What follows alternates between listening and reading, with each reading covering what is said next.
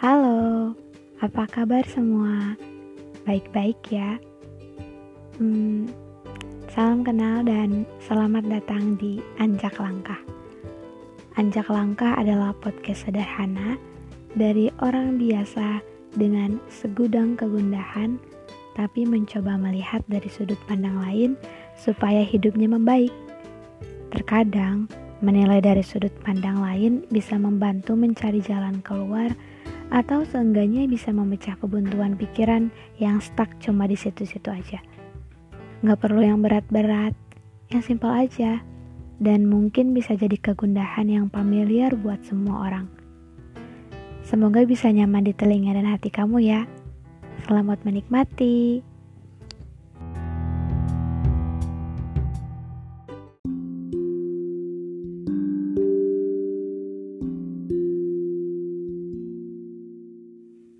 Halo semua, sudah selesai overthinkingnya? Emang ya, kayaknya sebagai manusia normal, kita gak bakal bisa jauh dari overthinking. Terlalu banyak memikirkan hal-hal yang belum tentu terjadi, terlalu rumit memikirkan hal-hal yang tidak sulit, padahal semua sudah ada porsinya masing-masing, sudah ada waktunya masing-masing, tapi diri sendiri yang membuatnya jadi semakin sulit. Kadang kita sampai gak ngerti sama pikiran sendiri karena mungkin terlalu banyak hal-hal tidak penting yang menjejal dan menyumbat jalan pikiran kita. Kayak hal-hal gak penting semacam makan apa jangan ya, tapi lapar, tapi mager. Atau semacam pikiran, dia bisa sukses gara-gara apa ya? Jangan-jangan lewat jalan gak bener.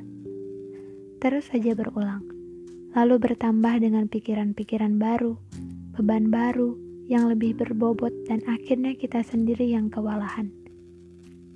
Oh ya, kayaknya overthinking juga sepaket sama negative thinking ya.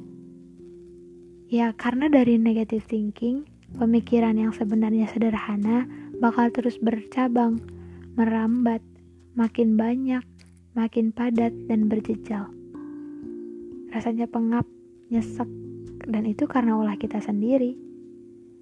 Gimana ya? Kita emang gak bisa menghindar dari berpikir, tapi juga sulit menghindar dari overthinking.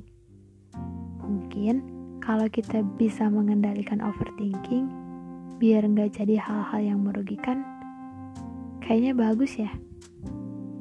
Ya, memang gak ada yang mudah, apalagi instan. Pasti butuh proses yang gak gampang pula. Nothing dan overthinking ini datang dari banyaknya pertanyaan, rasa penasaran, tapi kondisi kita nggak tahu apa-apa tentang itu. Rasa nggak tahu apa-apa itu juga yang ngebuat kita jadi banyak berprasangka. Negative thinking terus berkelanjutan, dan akhirnya overthinking sampai ambil keputusan sendiri.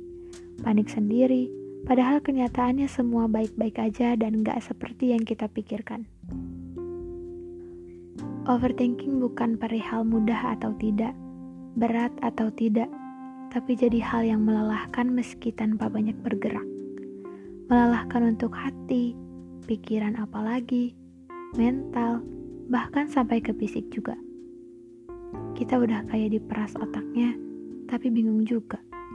Diaduk-aduk perasaannya sampai gak ngerti karena tiba-tiba nangis, tiba-tiba sedih, was-was yang gak tahu karena apa. Nah, bingung kan? Sama, aku juga. Tapi dunia ini bukan cuma perihal kita. Di bumi ini bukan cuma kita sendiri. Tuhan menciptakan manusia dengan segala ceritanya masing-masing. Kita terbatas untuk dunia yang tidak terbatas. Banyak hal-hal yang gak bisa kita ketahui banyak hal-hal di luar sana yang gak bisa kita kendalikan. Banyak hal-hal yang gak bisa kita miliki. Karena kita punya kapasitas. Dan gak bakal seimbang kalau kita mencoba melebihi kapasitas kita. Ya, kan namanya juga over. Jujur, overthinking ini juga problem buat aku. Apalagi kondisi sekarang yang menuntut kita untuk gak banyak beraktivitas di luar. Kadang hal-hal kecil aja bisa jadi pusat kemudi suasana hati seharian itu. Sedih, bingung, ujungnya jadi gak ada motivasi buat ngelakuin hal-hal yang lebih positif.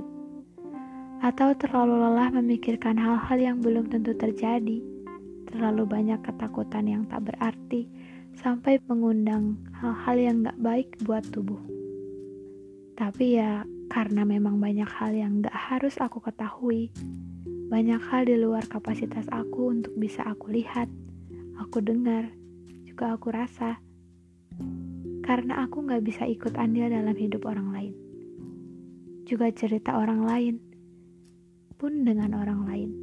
Mereka gak bisa selalu mengerti apa yang aku rasa. Gak bakal selalu tahu apa yang aku mau. Dan gak bisa selalu ada setiap waktu di sampingku. Kita punya hidup kita masing-masing Tuhan sudah menggariskan alur cerita kita masing-masing. Mungkin bisa saja di antara kita saling bersinggungan, saling berhubungan, saling sejalan, namun tidak berarti saling bertukar hidup. Kita juga nggak bisa memaksakan kehendak kita pada orang lain. Kita nggak bisa memaksakan orang lain untuk selalu mengerti dan memahami kita.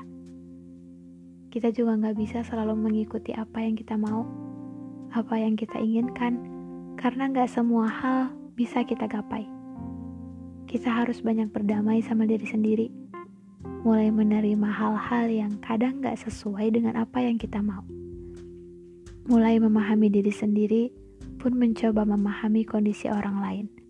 Mulai mencoba berpikir dari sudut pandang lain, mencoba memahami kondisi yang ada dan gak banyak menuntut. Semoga kamu bahagia dengan hidupmu ya. Semangat untuk kamu dan kita semua.